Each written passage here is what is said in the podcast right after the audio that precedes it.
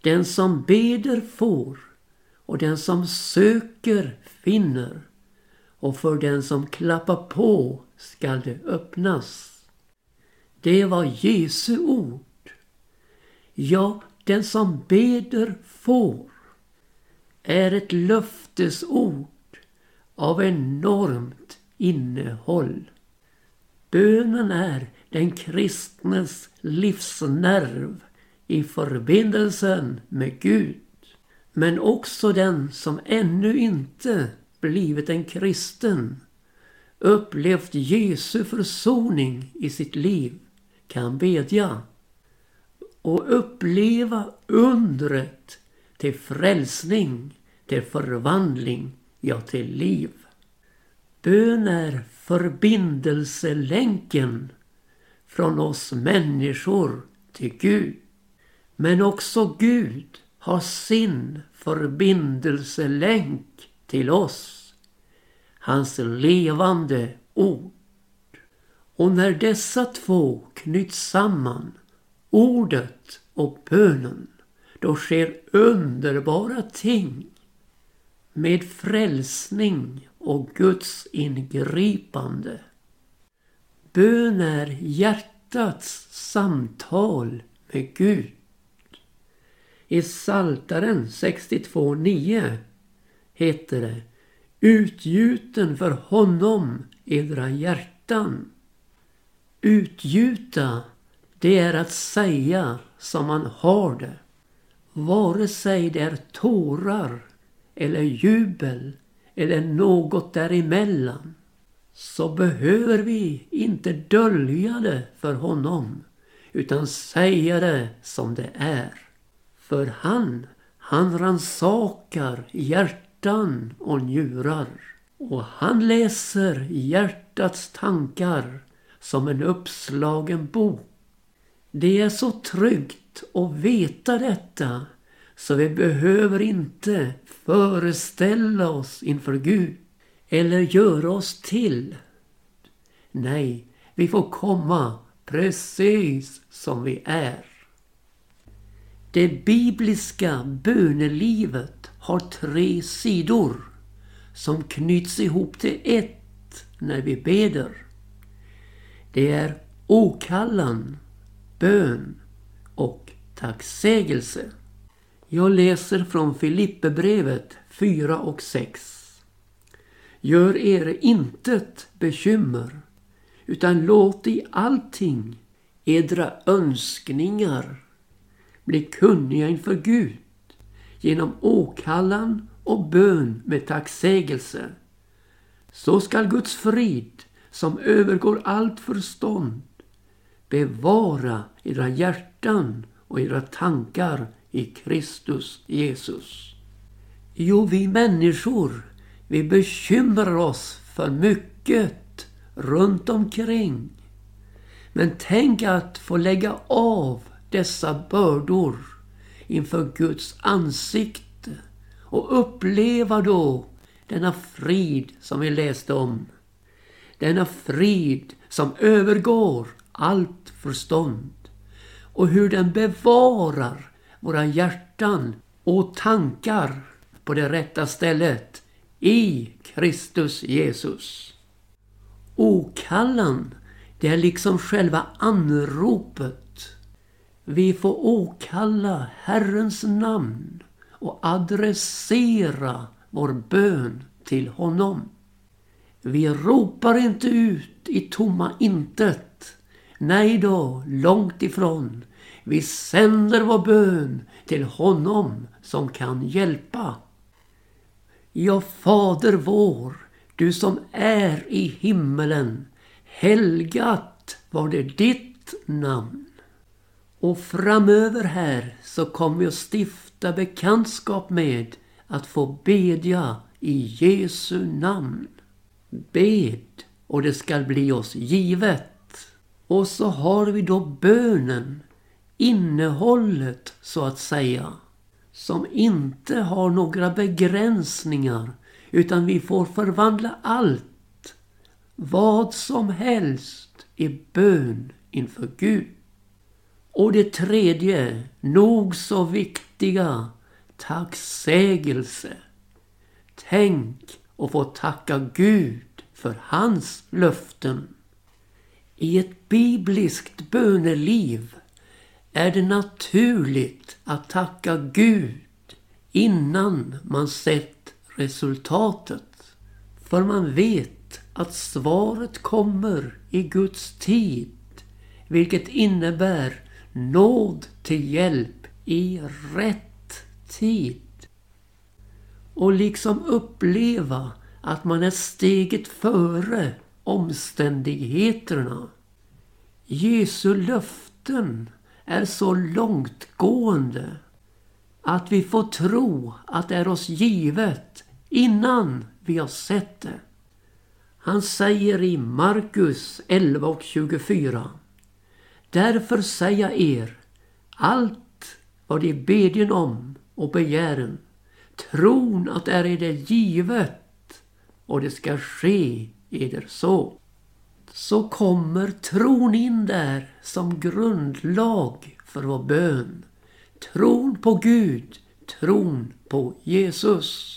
Som givaren. Jag tar med från Jakobs brev 1 och 17. Idel goda gåvor och idel fullkomliga skänker komma ned ovanifrån från himlaljusens fader hos vilken ingen förändring äger rum och ingen växling av ljus och mörker. Ingen växling av ljus och mörker. Bönen låter oss komma i samklang med Gud. Hjärtat stäms och disharmonierna försvinner. Och tonen blir klar och underbar. Nu ska vi säga något om Jesu böneliv. Ingen har bett som Jesus. Man kan säga att han bad i medgång och han bad i motgång. När han kallade sina apostlar, sina lärjungar, så förberedde han detta i bön. Och när dessa sviktade så bad han. Han säger till Petrus, jag har bett för dig att din tro inte må bli om intet. För oss gäller det ju om att känslorna inte få styra vårt böneliv. För när vänner flockas och samlas omkring oss, ja då är det lätt att bedja. Men när skarorna skingras är då våra böner lika varma för dem. Ja, det är ju uppenbart att vi har mycket att lära av Jesus. Också på denna punkt. Jesus hade ett besmittande böneliv. När man såg honom bedja så fick man en längtan efter att komma in i ett sånt innerligt böneliv som han hade. Det fick liksom märka det livgivande pulslagen i detta böneliv. Han trängde sig med sina böner in på Fadern och nådde hans hjärta i ett fullständigt utbyte där han inte gjorde något av sig själv men Faderns gärningar. Beroendet var alltså fullständigt. Jag sa ett besmitt besmittande böneliv. Och nu vill jag läsa från Lukas elfte kapitel och första vers. När han en gång uppehöll sig på ett ställe för att bedja och hade slutat sin bön sa en av hans lärjungar till honom Herre, lär oss att bedja så som och Johannes lärde sina lärjungar. Det var en av hans lärjungar som sa just detta. Herre, lär oss att bedja. Vi väntar allt för ofta på inspiration från andra människor för att bedja. Men en enda lärjunge kan föra in en hel grupp i bedjandets välsignelser genom att lära av Jesus.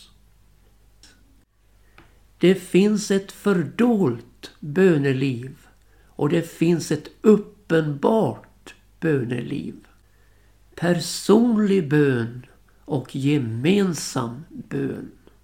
Och vi kan säga för att det uppenbara gemensamma bönelivet inte ska bli skrymtaktigt så behövs det fördolda personliga bönelivet. Och nu läser jag från Matteus sjätte kapitel och femte vers. När i bedjen skall ni inte vara som skrymtarna, vilka gärna står i synagogorna och i gathörnen och bedja för att bli sedda av människorna. Sannerligen säger jag er, de har fått ut sin lön. Nej, när du vill bedja, gå då in i din kammare och stäng igen din dörr och be till din fader i det fördolda. Då skall din fader som ser i det fördolda vedergälla dig. Det är tydligt att Jesus varnar för skrymtaktighet i våra böner. Det fördolda bönelivet är en utlöpare av det fördolda livet med Kristus i Gud. Osynligt för människor men så mycket mer synligt för Gud. Och så fortsätter vi då läsningen. Men edra böner skall ni inte hopa tomma ord såsom hedningarna, vilka menar att de ska bli bönhörda för sina många ords skull. Så var då inte lika dem. Er far vet ju vad ni behöver förrän i beden honom. Just detta är ju så underbart att vår fader vet vad vi behöver innan vi beder. Ja, förrän ett ord är på min tunga så känner han det till fullo. Och bönen blir liksom vår tillkoppling till dessa enorma tillgångar.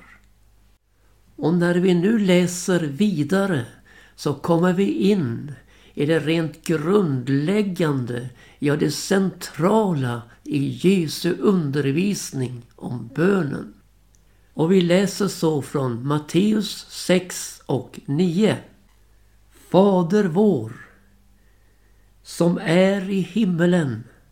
Helgat var det ditt namn. Tillkommer ditt rike. Ske din vilja så som i himmelen så och på jorden. Vårt dagliga bröd giv oss idag och förlåt oss våra skulder som och vi förlåta dem oss skyldiga är. Och inled oss icke i frestelse utan fräls oss från ondo. Ty riket är ditt, makten och härligheten i evighet. Amen. Vi kan säga att detta är en bön som innehåller allt.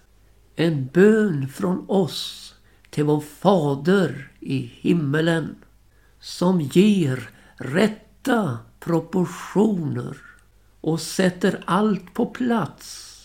Ja, det mest tillkrånglade och det svåraste i våra liv blir format i ord i bön inför Gud.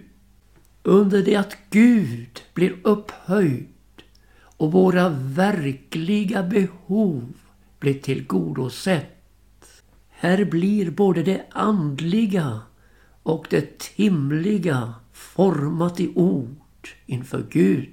Ska vi bara ta en mening som berör vårt andliga liv så totalt att det är helt avgörande för vårt eviga väl.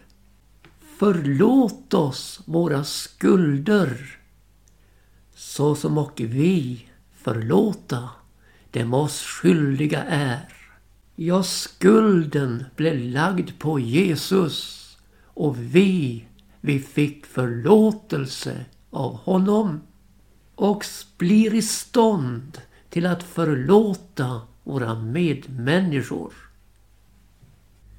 När Jesus avslutar sin undervisning om bönen före Golgataverket, före uppståndelsen och före himmelsfärden så tar han in hela sin person i detta och lägger hela sin tyngd i vårt böneliv.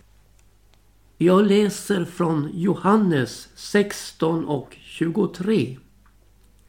Sannerligen, sannerligen, säger jag er. Vad I bedjen Fadern om, det skall han giva er i mitt namn. Hittills har ni inte bett om något i mitt namn. Bedjen och ni ska få för att er glädje ska bli fullkomlig. Och vidare. Detta har jag talat till er i förtäckta ord. Den tid kommer då jag inte mer ska tala till er i förtäckta ord utan öppet förkunna för er om Fadern. På den dagen ska ni bedja i mitt namn. Och jag säger er icke att jag ska bedja Fadern för er, Ty Fadern själv älskar er, eftersom ni har älskat mig och har trott att jag är utgången från Gud. Ja, jag har gått ut från Fadern och kommit till världen. Åter lämnar jag världen och går till Fadern. Ett rätt förhållande till Jesus blir nyckeln till bönesvar. Det blir närmast som om Jesus själv bad. Bön i Jesu namn är inget formular, ingen besvärjelse. Inget vi bara nämner eller avslutar vår bön med. Utan det blir ett innehåll av det Jesus representerar. Hans person och gärning. Ja, hans försoning. Det är fullbordat. Vägen till Gud är öppen genom Jesus Kristus. Och det är klart, det påverkar våra böner på ett oerhört sätt. Med innehåll och seger och bönhörelse. Vägen till himlen är Jesus Kristus. Vägen till ett rikt böneliv är Jesus Kristus. Så vill jag ta med ett underbart område i bönelivet. Tillbedjan. Jesus samtal med den samaritiska kvinnan ger ett underbart utgångsläge för detta. Hon tar fram vad som var gängse bland de samaritiska fäderna, att det var på detta berg det skulle tillbedjas. Och så tar hon fram vad som var gängse bland judarna, att det var i Jerusalem det skulle tillbedjas. Alltså var platsen det viktiga i hennes förståelse av tillbedjan. Men Jesus säger till henne Tro mig kvinna, den tid kommer då det varken är på detta berg eller i Jerusalem som ni ska tillbedja Fadern. Ni tillbedjer vad ni inte känner, men vi tillbedja vad vi känner, ty frälsningen kommer från judarna. Men den tid ska komma, ja den är redan inne, då sanna tillbedjare ska tillbedja Fadern i ande och sanning. Ty sådana tillbedjare vill Fadern ha. Gud är ande och de som tillbedja honom måste tillbedja i ande och sanning. Vi ser alltså att det är inte platsen som är avgörande för tillbedjan. Utan det är tillbedjans innehåll av ande och sanning. Hur viktigt är det inte att vi inte blir sakrala i vår tillbedjan, alltså uppsöker heliga platser, utan att vi blir personliga i vår tillbedjan. Där vi fyllda av Jesus och den helige Ande tillbeder Fadern i ande och sanning.